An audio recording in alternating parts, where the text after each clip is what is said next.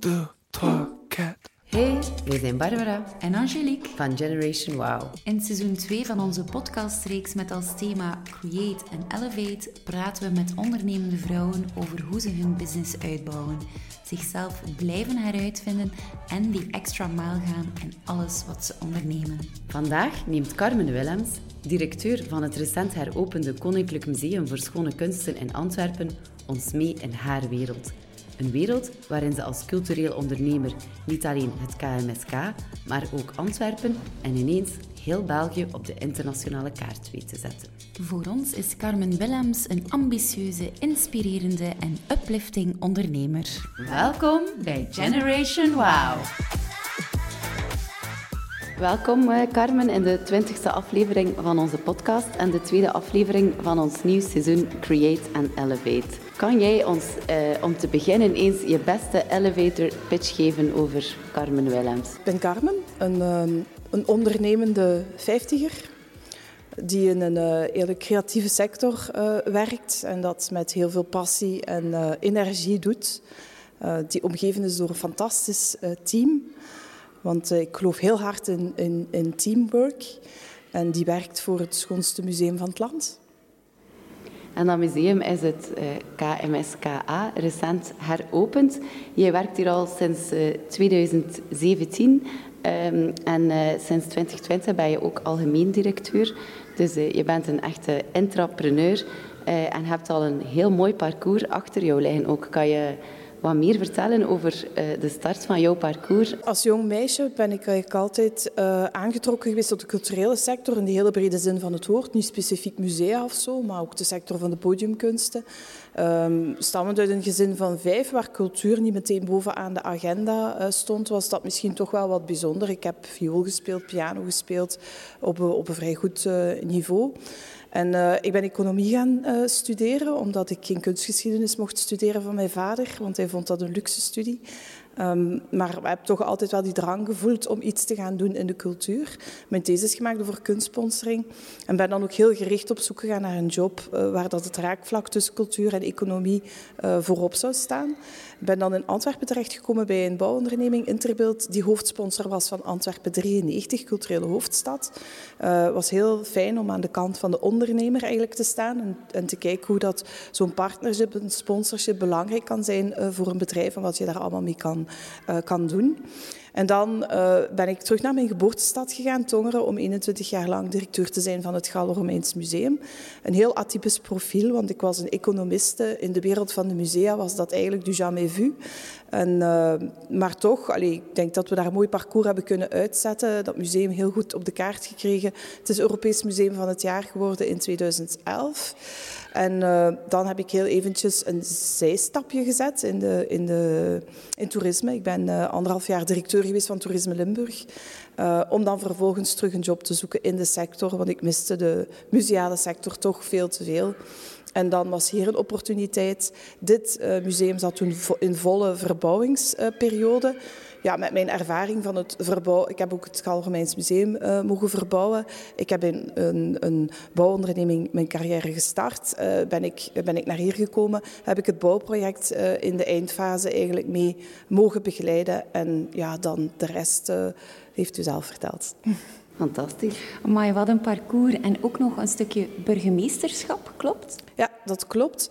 Um, Goh, ik was directeur van het Gallo-Romeins Museum in Tongeren. Dat was een, een, museum wat te weinig op handen gedragen werd door het staatsbestuur, vond ik. Dus ik ben gaan aankloppen uh, bij de toenmalig burgemeester. En dat was Patrick de Waal. En uh, Patrick de Waal heeft mij dadelijk uitgedaagd en gezegd... als je denkt dat je het beter kan, dan moet je het zelf komen doen. En ik heb daar eerst nee op gezegd, want ik was helemaal niet van plan om in de politiek te gaan. Maar uh, ja, na een aantal gesprekken dacht ik, eigenlijk heeft hij wel gelijk. Het was op dat moment natuurlijk nog heel moeilijk, uh, een heel moeilijke periode om vrouwen te overtuigen om in de politiek te gaan. Vaak hadden vrouwen ook minder belangrijke plaatsen op de lijst enzovoort en zo verder. Dus ik heb meteen gezegd, als jonge dertiger, als je wil dat ik kom, dan wil ik meteen een verkiesbare plaats hebben. Want ik ga het niet zomaar doen. Ik heb die gekregen, ik was verkozen.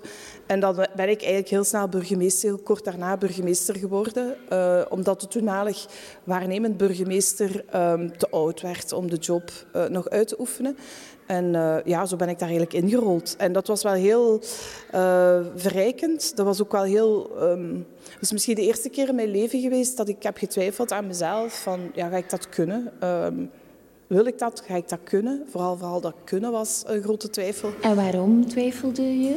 Ja, het is natuurlijk een heel nieuwe wereld. Hè. Je een stad, dat is, Tongeren is een stad van 30.000 inwoners, dus dat is toch een middelgrote provinciale stad. Uh, ja, er komt veel bij kijken, hè, want je moet eigenlijk over alle dossiers uit uh, kunnen aansturen, kunnen initiëren. Dat gaat niet alleen binnen uw eigen comfortzone, maar dat gaat heel ver daarbuiten ook. Maar het is een heel boeiende periode geweest.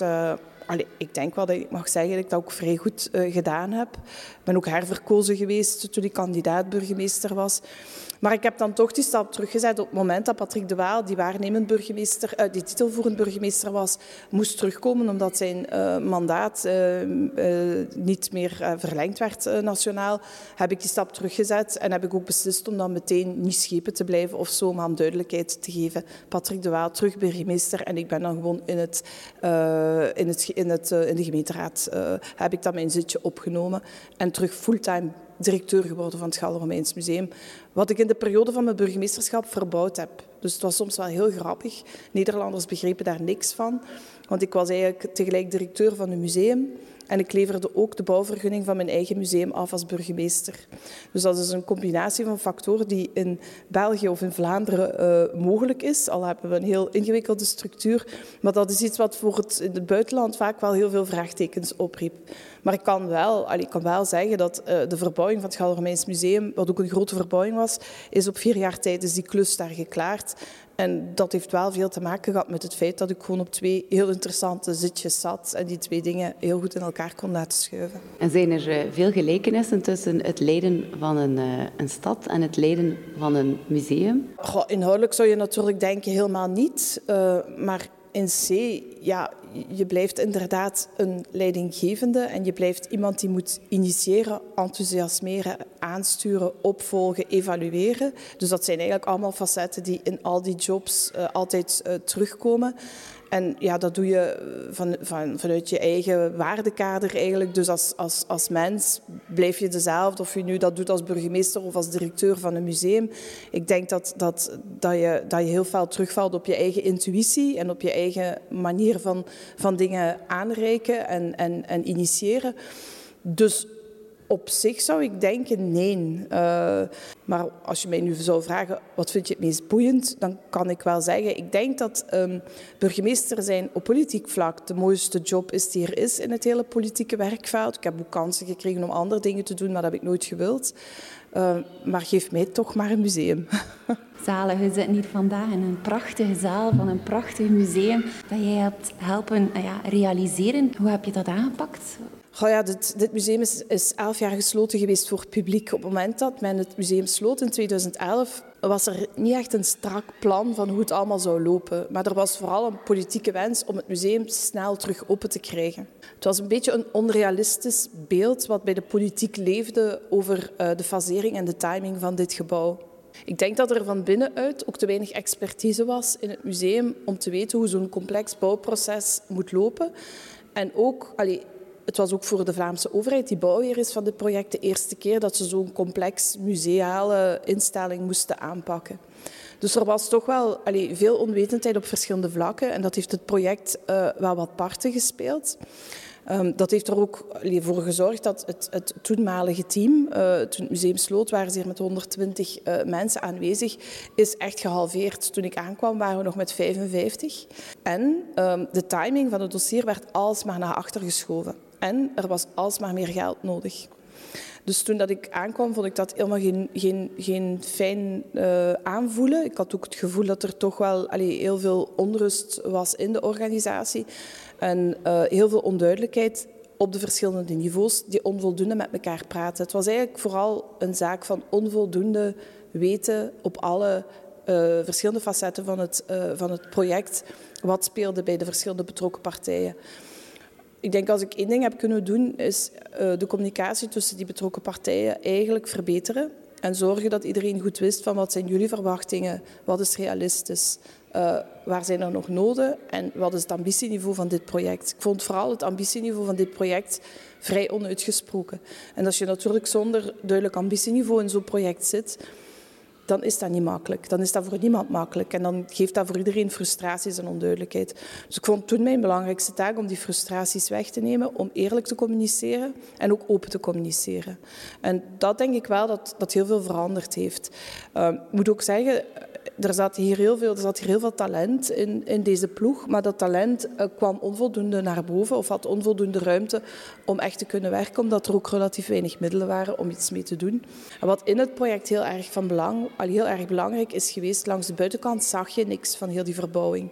Dan heeft de overheid beslist van we gaan toch ook de gevel aanpakken, want dat zat initieel niet in het project op het moment dat die stellingen zijn gekomen, maar nog meer op het moment dat die stellingen zijn, uh, zijn weggehaald. En de uh, restauratie van de gevel is een heel efficiënt project geweest. Dat heeft eigenlijk maar anderhalf jaar geduurd. Toen voelde je ook in de buurt echt zoiets van eindelijk. We zien iets gebeuren, want natuurlijk de grote transformatie van dit museum is binnenin gebeurd. Hè. We hebben het gebouw binnenin gerenoveerd, gerestaureerd. We hebben een nieuw, nieuw volume toegevoegd. Daar zag je niks van langs de buitenkant. Dus op dat moment hebben we ook heel de buurt meegekregen. En dat heeft wel energie gegeven aan het team om te merken van, dat het niet meer alleen een interne zaak was uh, van ja, dingen gaan niet vooruit, maar dingen gingen plots wel vooruit. En ook de buurt die begon mee te leven met, uh, met de instelling. Je spreekt over uh, de buurt en verschillende partijen. Welke partijen zijn er zo allemaal uh, betrokken bij een, een, museum? Ja, uw belangrijkste stakeholder in zo'n museum is altijd de overheid in deze, die, de, die inzet voor de financiering van het geheel. In ons geval is dat de Vlaamse overheid. En de Vlaamse overheid is voor dit project bouwheer geweest van de bouw van het nieuwe museum. En eigenlijk moet je het museumteam zien als de toekomstige gebruiker. Op die manier zaten wij ook aan tafel. Dus de macht in dit project ligt eigenlijk bij de projectleiding van de verbouwing. Het facilitair bedrijf van de Vlaamse overheid is eigenlijk bouwheer geweest van uh, dit project. Wij hangen af van het departement voor cultuur. Hè, dus ook daar heb je dan de secretaris-generaal uh, die van belang is. Het kabinet van de minister-president omdat in dit geval minister-president ook minister van Cultuur is. Dus dat is eigenlijk het kabinet van de minister van Cultuur. Maar je zit natuurlijk in een stad. Dus ook al geeft de stad niet rechtstreeks middelen aan dit museum, is de stad een heel belangrijke stakeholder. Want we, we, zitten hier wel op hun domein. En we moeten wel met hun kijken van wat kan, wat kan niet. Ook naar vergunningen toe die je moet krijgen om zo'n projecten te kunnen realiseren, is een goede relatie met alle onderdelen en alle diensten van de stad van uitermate belang. Ja, dan daarnaast heb je in de directe omgeving, en zij zijn natuurlijk direct betrokken partij geweest bij deze bouwwerken, want zij hebben er elf jaar last van gehad. Uw buurt, de buren, die, die je heel goed moet proberen te verzorgen en uitleggen wat dat er gaat gebeuren.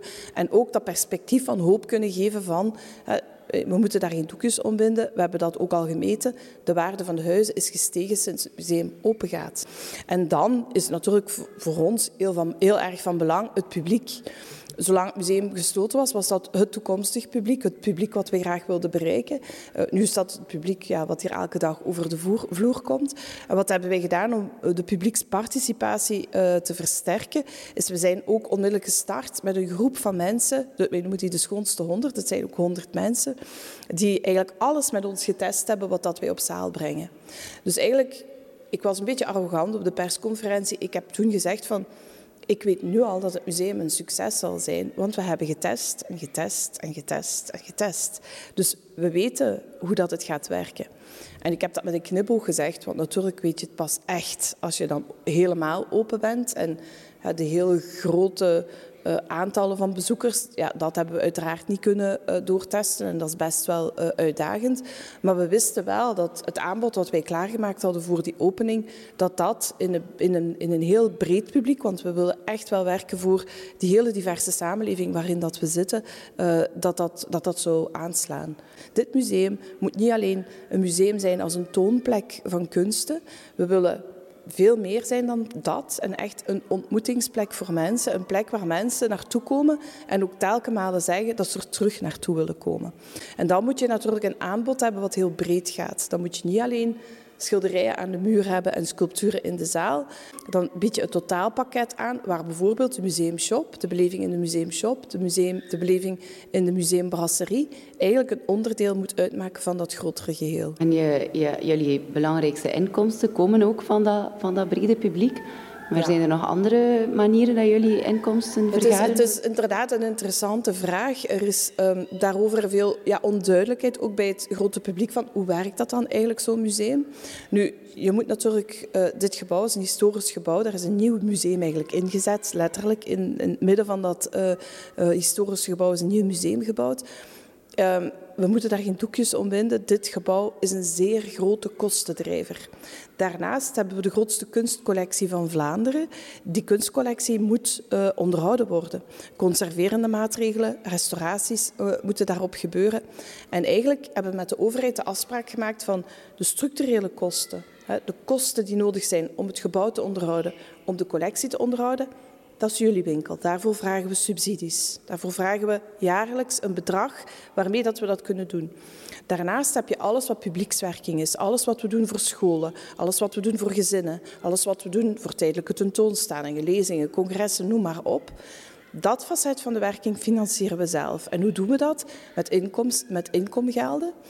we zijn niet het goedkoopste museum uh, van het land. Integendeel, ik denk dat we het duurste zijn uh, momenteel. Maar we hebben wel heel erg gewerkt op kansen, op, maar, mogelijkheden geven aan mensen die voor kansentarief in aanmerking komen en op werken voor jongeren. Dus onder de 26 jaar, tot, van 18 tot 26 betaal je 10 euro en onder de 18 jaar is het gratis. Dus we zijn voor scholen gratis, voor gezinnen met kinderen zijn de kinderen gratis. Dus we willen dat allez, publiek ook echt wel binnenhalen. En daarnaast, en dat is heel belangrijk voor ons, zijn de ondernemers.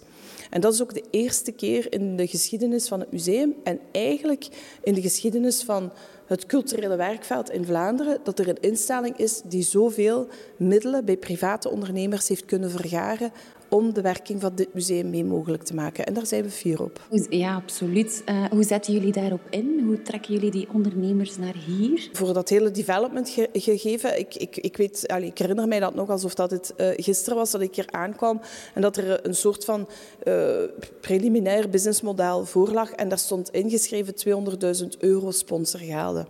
En ik dacht, 200.000 euro sponsorgelden in Antwerpen, ja, dat is toch niks. Dat kan toch niet dat we... En toen heb ik daarover gesproken. Toen hebben ze gezegd, ja, maar dat is ambitieus als je dat structureel wilt, want hè, je moet ze blijven vinden en CNLA. En dan heb ik meteen gezegd, ja, ik, ik, ik kan daar geen vrede mee nemen. Ik zeg, ik wil daar absoluut een miljoen per jaar van maken. En toen keken ze naar mij om te zeggen, en ze hebben mij een tijdje de vrouw van een miljoen genoemd. Zo een beetje cynisch lachend. Zo. Van daar heb je de vrouw van het miljoen. Allee, dat gaat ze nooit halen. Maar dat heeft mij ook wel allee, de, de, de energie en de drive gegeven extra om te bewijzen dat dat wel kon. Nu, geen evidentie. Ik ben een Limburgse. Ik had op dat moment nog niet echt een netwerk in Antwerpen. Dus wat heb ik gedaan? Ik heb bij onmiddellijk overal in alle uh, ondernemersnetwerken ben ik gaan aankloppen en gaan kijken van ja, waar zitten interessante mensen? Wie kan mij daarbij helpen? Ik heb een soort van ambassadeurs voor het KMSKA gezocht en gevonden. Um, en uh, dat zijn mensen die eigenlijk hebben gezorgd, hebben, hebben gezorgd dat er deuren zijn opengegaan op het hoogste niveau. Want ik wist meteen, ik heb een loodzware taak, dus ik kan niet te veel tijd moeten verliezen in in een onderneming van onderuit naar boven uh, te gaan. Ik moet eigenlijk meteen bij die CEO terechtkomen. En ja, daar zijn een aantal mensen in Antwerpen die mij daar heel goed voor, een aantal ondernemers in Antwerpen met een hart voor cultuur, die mij daar heel goed mee hebben geholpen om te zorgen dat ik echt op dat hoogste niveau binnenkom. Ja, en dan is het een kwestie natuurlijk van een verhaal kunnen vertellen, geloven in je verhaal. Um, ja, ik denk dat iedereen wel weet, allee, dit gebouw uh, op de een of de andere manier merkte ik, zeker bij Antwerpse ondernemers, dat ze allemaal ergens wel iets hebben met dit gebouw. Ze hadden ook allemaal wel iets met die collectie, maar het was allemaal een beetje... Er zat een beetje te veel stof op. Dus je moet ze dan overtuigen dat je dat stof er helemaal gaat afhalen en dat het een fantastisch instituut uh, gaat worden, een fantastische instelling en dat je hun daarbij no nodig hebt. Dus ik heb ook heel open kaart gespeeld over ons financieringsmodel en gezegd van kijk, ik zoek een miljoen en ik moet dat hebben, want anders dan gaat dat museum nooit de vleugels kunnen krijgen die het moet hebben.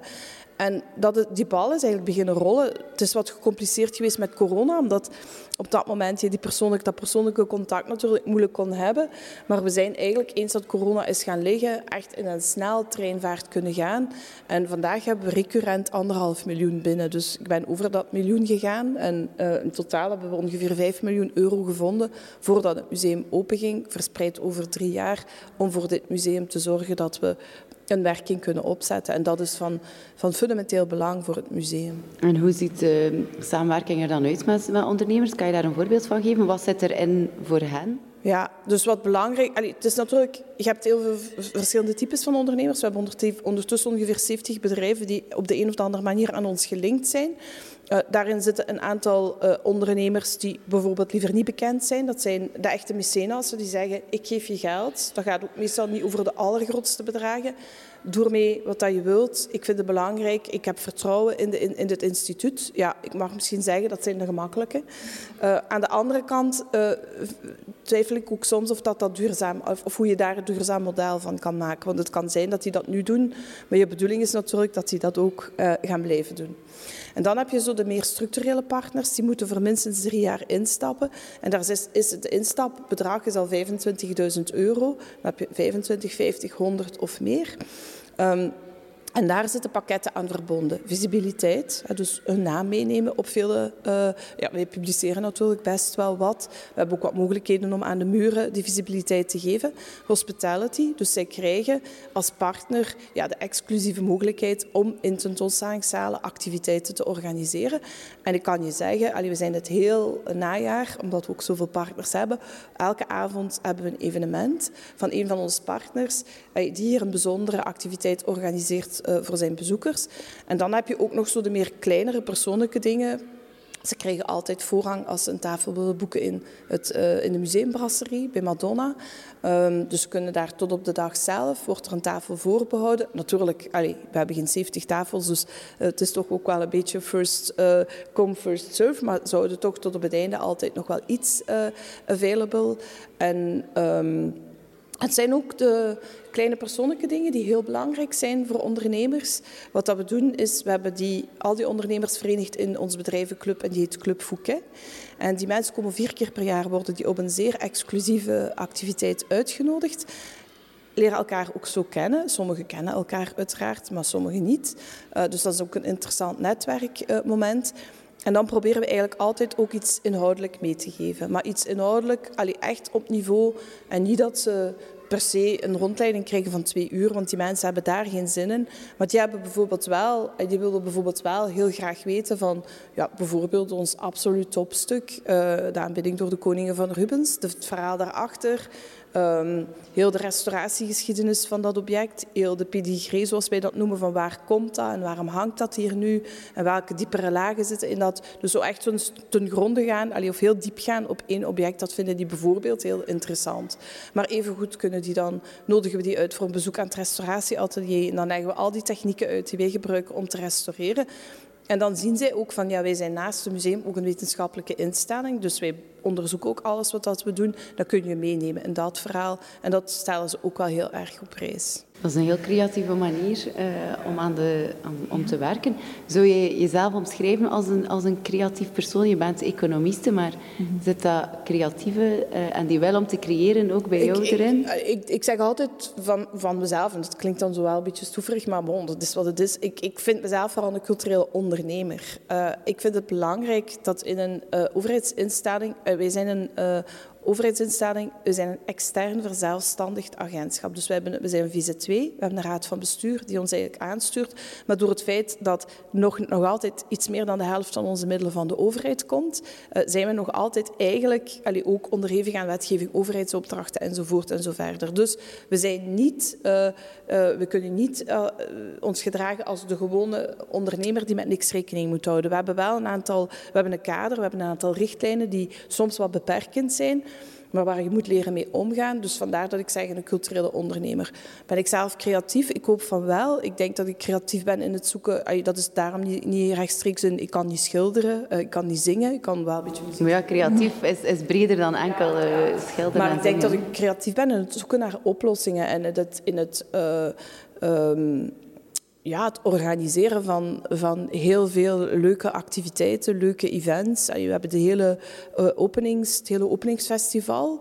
Um, daar hebben we eigenlijk ja, niemand voor aan, in dienst genomen. Dat hebben we met het team helemaal zelf gedaan. En in het begin was daar wel in het team wat twijfel over van... Ja, gaan we dat zelf doen? Kunnen we dat zelf? Moeten we daar toch niet nog externe mensen uh, bij halen? En wij waren al, al vijf jaar aan het werken met Artists in Residence. En dat was eigenlijk ook de ruggengraat van dat festival. En ik heb gezegd, wij hebben zo'n nauwe band met onze eigen Artists in Residence.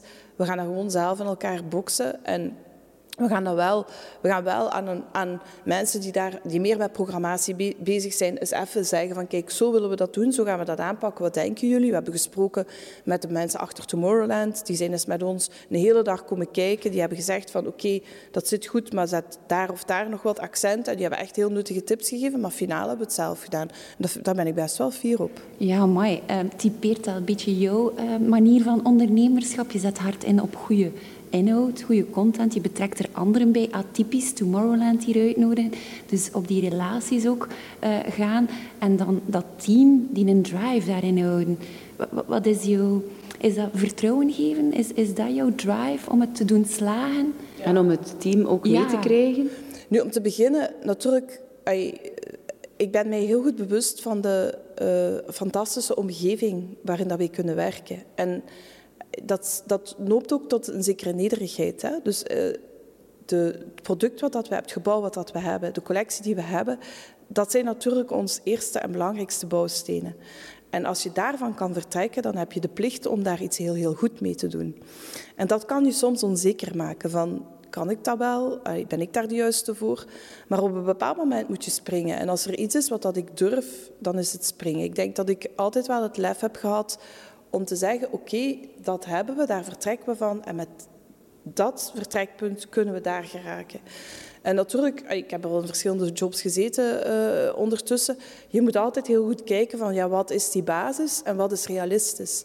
En ik vind, uh, en, en daarop, daarbovenop moet je dan een beetje die droom durven poneren. En ik ben iemand die, denk ik, durft zeggen van ik droom daarvan, ook al weet ik van het gaat, het, we gaan hard moeten knokken om, het, uh, om er te geraken.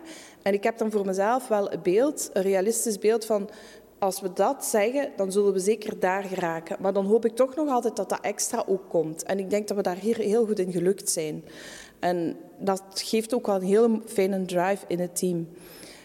Mijn Achillespees is dat ik soms te ver wil gaan. Mijn Achillespees is dat ik niet kan stoppen met ideeën uh, hebben en ideeën willen initiëren. En dat ik soms moet zeggen tegen mezelf van nu even nu is het even genoeg. Waarom? Waarom? Waarom moet je dat dan zijn? Voel je dat dan aan ja, jezelf? Omdat, eh, als je merkt dat, dat natuurlijk, allee, wij zijn met een klein team, we hebben heel veel moeten doen. Dus wij, allee, hier, is niet, hier is niemand die ooit heeft gezegd van ja, maar ik heb nu te veel uren. Of ja, maar allee, dit weekend ga ik nu echt wel eens niks doen. Dus iedereen blijft hier gaan, gaan, gaan. En je moet wel zien dat dat, dat, dat menselijk en mogelijk blijft. Dus en eh, daar kan ik mij wel, allez, daar moet ik wel voor opletten. En dat, dat, weet ik en dan zeg ik dat ook tegen de mensen in het team. Want soms is het ook andersom. Soms dan komen, dan, eh, het is ook niet altijd langs mijn kant, hè. er komen van veel kanten ideeën. En dan komt er soms weer eens een, een heel leuk nieuw idee. En dan zeg ik, ho, maar we hebben al dat, dat, dat. Laten we dit nu gewoon even laten passeren. En dan heb je ook soms van intern in een team dat ze zeggen, ja, maar we willen dat toch heel graag doen. De Nationale Expo is zo'n voorbeeld. dus wij, wij hebben samen met de VRT en samen met Museumpas de Nationale Expo opgezet. Um, ja, dat was eigenlijk al een, een bestaand uh, format uh, vanuit Museumpas, maar we hebben dat samen met de VRT eigenlijk veel groter gemaakt. En ik heb toen wel gezegd van, let goed op, we zijn een pas open.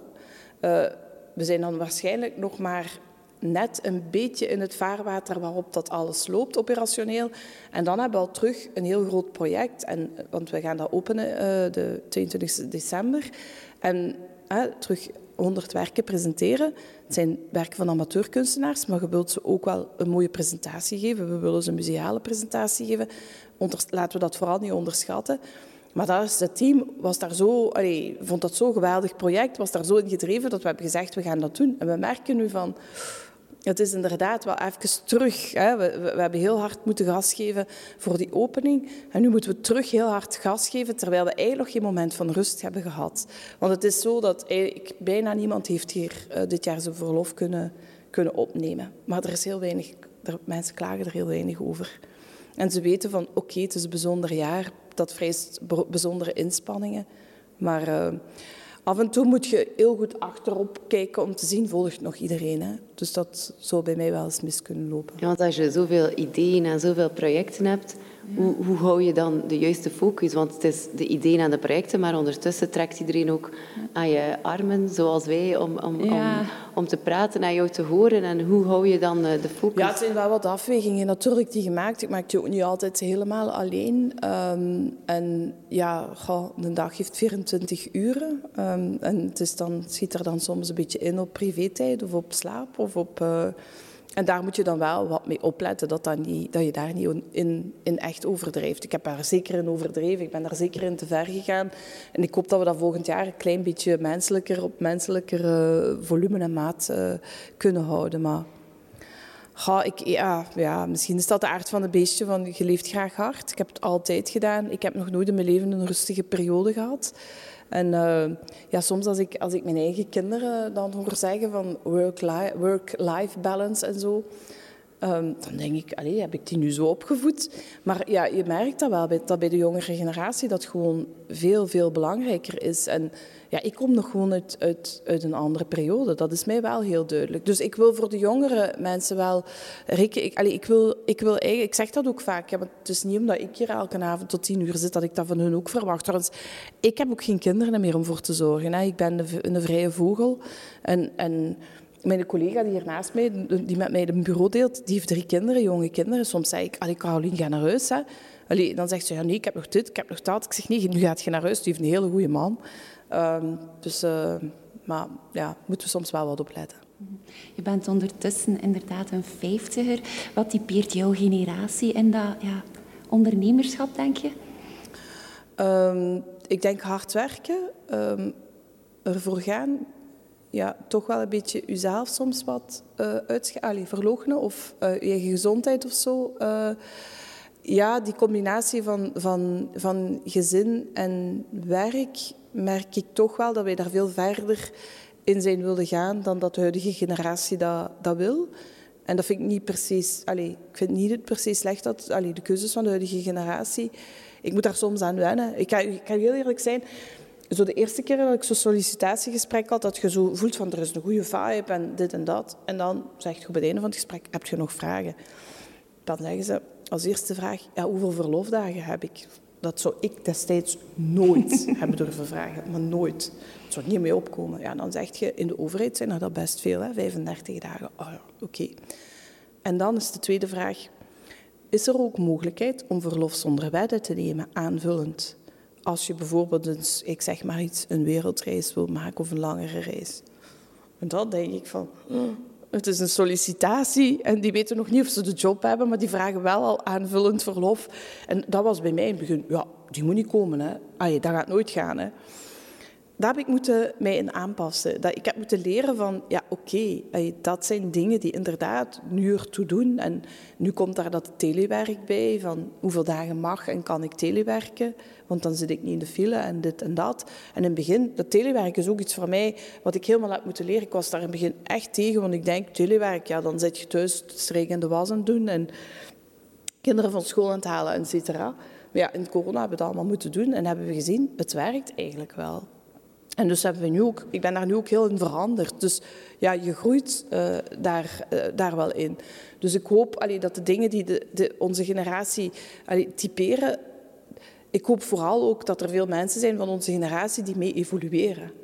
En dat probeer ik mij wel voor te houden door voldoende te praten en, en, en te horen wat dat er leeft bij de jonge generatie, om zelf ook iemand uh, te zijn die niet allee, zo blijft hangen in dat was allemaal beter of wij deden dat allemaal anders. Um, waar, waar, dat ik een groot verschil in zie is in, in de manier van omgaan, taalgebruik, een soort van uh, respect. Allee, ik denk dat wij opgevoed zijn met een, een uh, als vanzelfsprekende vorm van respect naar uw leidinggevende toe. Dat speelt nu niet meer. Dat heb je nu totaal niet meer. Dus dat, en, en dat is misschien ook maar goed. Ik denk dat die evenwichten nu wel wat beter, uh, uh, beter komen. Maar toch blijf ik het wel moeilijk vinden dat als ik iemand de voor de tweede keer zie, dat hij tegen mij zegt, yo, dan denk ik, ja. Dan zal ik heel vriendelijk zeggen, goedemorgen Berend. En dan denk ik, dan hoop ik dat hij de volgende keer ook zal zeggen, dag Kamen of zo. Maar ja, dat, dat, zijn zo, dat is een andere manier van, van, van omgang. En ik denk, ja, dat is opvoeding. Hè. Dat is opvoeding die wij van huis uit hebben gekregen op school. Ik denk dat het er allemaal wat anders aan toe gaat. De uh, ja, uitdagingen uh, het hoofd bieden, dat is uh, ongetwijfeld in je hele carrière een, eh, iets geweest wat dat een rol heeft gespeeld. Hoe ga jij om met tegenslagen? Ik ben nogal een binnenvetter op dat vlak, denk ik. Um, ja, ik probeer altijd toch, als er iets tegen zit, te kijken van wat we eruit kunnen leren en hoe dat ik dan toch, zeker als leidinggevende, niet bij de pakken uh, blijf zitten. Maar als ik eerlijk ben, kan mij dat wel uh, wakker houden. En dat kan nachten en nachten en nachten zijn. Ja, en dan moet ik zo op een bepaald moment wel tegen mezelf zeggen, stop ermee. Uh, leer het aanvaarden of aanvaard wat, dat het is wat dat het is.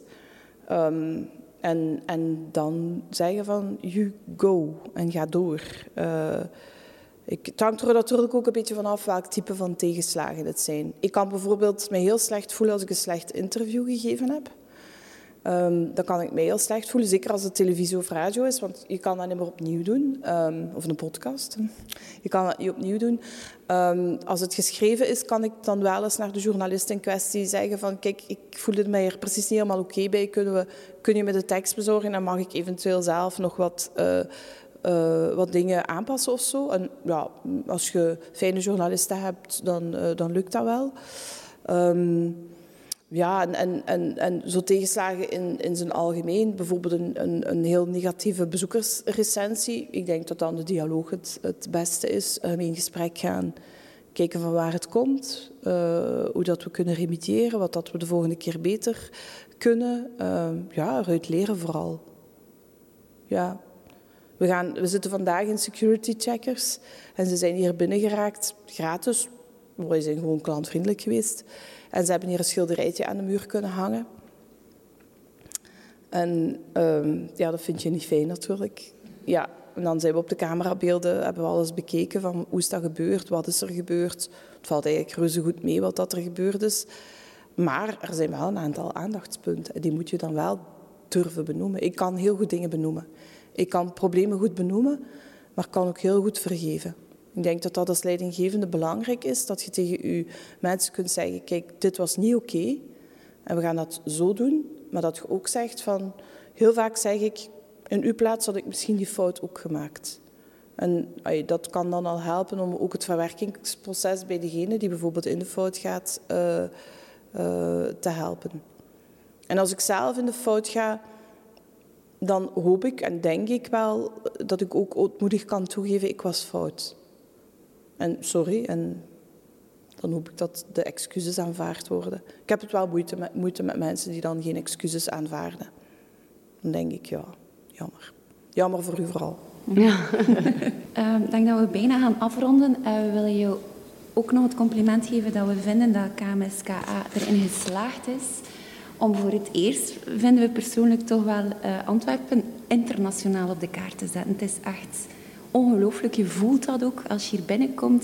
Je hebt het in alle media uh, ook mooi kunnen uitspelen. Het is echt een feit. Dus dat uplifting en how to elevate the business, ik denk dat dat wel echt uh, geslaagd is. Dus we willen jou daar ook wel echt proficiat voor, uh, voor, voor wensen. Is dat ook iets dat, je echt, dat echt jouw ambitie is om het museum echt internationaal op de kaart te zetten? Ja, uiteraard. uiteraard. Allee.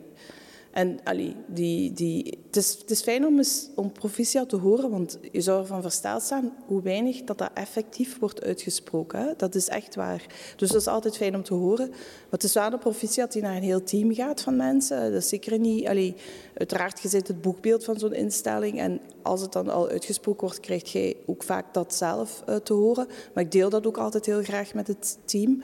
En het zijn ook, allee, in dit geval hebben we heel goed samengewerkt met Visit Antwerpen en met Visit Vlaanders om internationale pers in grote getalen naar hier te halen. We hebben zelf ook heel specifiek iemand op die communicatie gezet die heel veel internationale uh, contacten en heel goed netwerk heeft. En zij heeft er bijvoorbeeld voor gezorgd dat we op de één zijn gekomen van de New York Times. En ik moet zeggen dat toen we dat wisten, dat we toch wel echt een vreugdesprong gemaakt hebben. Want dat heeft heel veel losgeweekt bij heel veel andere internationale dagbladen, magazines. Dus het is soms ook wel een zoektocht naar de juiste personen waarmee dat je u moet omgeven, die u op de juiste manier kunnen, uh, kunnen pitchen.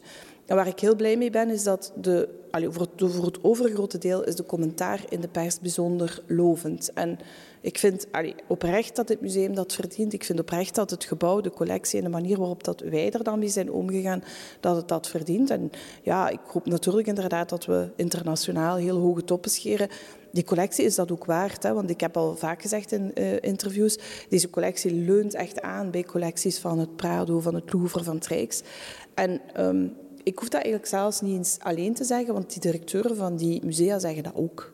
En als die hier komen, dan zeggen die echt, jullie zijn veel te nederig. En ik vind dat wel grappig, want ik ben in, in Limburgse, dat hebben jullie al gehoord. En als ik zo eens moet speechen voor een echt Antwerps gezelschap, dan heb je heel snel hè, dat ze zeggen, dat is een van de parking. En dan zeg ik, ja, dat een Limburgse jullie moet komen vertellen wat jullie hier in huis hebben, vind ik wel grappig. Maar je voelt die fierheid. Hè. Je voelt die fierheid in die stad nu. Je voelt die fierheid bij die ondernemers, bij je publiek. En dat is wel heel fijn. Uh, ja, er hangen hier ongelooflijk uh, veel mooie werken. Als je nu een keer al de kunstenaars in een hoop bij elkaar zet en je mag er een paar uitnodigen om aan tafel te gaan. Met wie zou dan jouw tafel gevuld zijn? Goh, er zijn er wel veel. Ik zou Rubens natuurlijk zelf in persoon uh, wel ooit graag ontmoet hebben, omdat Rubens eigenlijk ook een culturele ondernemer uh, van de aller, allerhoogste hoogste graad was. Uh, het was een fantastisch schilder, maar het was ook echt, echt een ondernemend persoon. Dus die zijn, daar zou ik wel heel graag mee aan tafel zitten.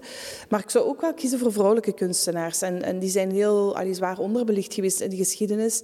Ehm, Clara Peters, Marthe Donat mij um, intrigerende uh, vrouwen. Ik zou ook wel graag met een aantal vrouwen die op schilderijen staan afgebeeld uh, eens willen weten wat hun verhaal is. Waarom zijn zij model geweest voor die schilder en hoe hebben zij uh, zich in die rol gevoeld? Dat zou ik ook interessant vinden. Ik vind het schilderij van Tadema, Vrouw met de Kers, een heel intrigerend schilderij. En dat is een vrouw waarin ik mij wel een beetje herken. En, en met die zou ik dus ook gewoon graag eens een gesprek aangaan. Ja, en dan hebben we natuurlijk Agnès Sorel, die eigenlijk model is geweest voor onze Madonna van, van Fouquet. Die toch ook wel een heel bijzonder leven heeft gehad en een heel bijzondere vrouw was. Um, ja, zet mij maar eens met die allemaal samen aan tafel. En ik denk dat het een heel, uh, een heel boeiende avond wordt. Wij schuiven mee aan, sowieso. Ja. dan, om af te sluiten hebben we nog één vraag. Um, wat is de beste tip die je ooit hebt gekregen dat jou of een van de musea waar je gewerkt hebt naar een hoger niveau heeft getild. En wat zou jouw beste tip zijn voor onze luisteraars? Ja, ik denk dat het uh, belangrijk is in deze job om je te omgeven met de juiste mensen. En wat ik zelf erg geleerd heb met ouder worden, is werk alleen samen met mensen waarvan je voelt dat er een klik is. En als die er niet is, stop heel snel met de samenwerking. Omdat het zoveel verloren, uh, verloren energie is. Maar een tip die we hebben gekregen van een van, dat was wel heel grappig, van een van uh, de museummedewerkers uh, van een ander groot museum wat opengegaan is, is de dag van de opening maak je over niks meer druk. Boek een kapper, boek een schminkster, boek een masseur en zorg dat je s'avonds straalt. En dat hebben we gedaan. Dus we hebben hier in deze kamer met z'n allen gezeten. We zijn allemaal gekapt geweest, allemaal geschminkt geweest. Um, en iedereen zag er stralend uit die avond. En dat vond ik nu allee, iets zo simpel. En ik ben heel blij dat we die tip hebben gehad, want we hadden daar zelf niet aan gedacht. En iedereen was ook heel blij dat dat er was. Dat je niet meer zelf moest je zorgen maken over hoe zie ik eruit. Oh, superveel contentement dus en jouw team. Je hebt dat goed gedaan. Fijn. Ehm, bij deze willen we jou ook heel graag uitnodigen voor onze volgende conferentie. Uh, die is in Cursaal, Oostende. 12 ehm, juni 2023. Het gaat over het thema Create and Elevate. En ik denk dat jij absoluut een Create and Elevate uh, ja, entre- en intrapreneur bent. Dus uh, je bent van harte welkom en super bedankt voor dit erg boeiende gesprek. Dank je wel. Ja, dank je voor het interview en dank je voor het compliment. Met plezier. Voor deze Generation Wow podcastreeks werkten we samen met ons fijn team. Thibaut Veru deed de productie en Alice Gernaert de eindredactie. En we bedanken ook graag onze partner Collectors Club voor onze mooie Belgische outfits.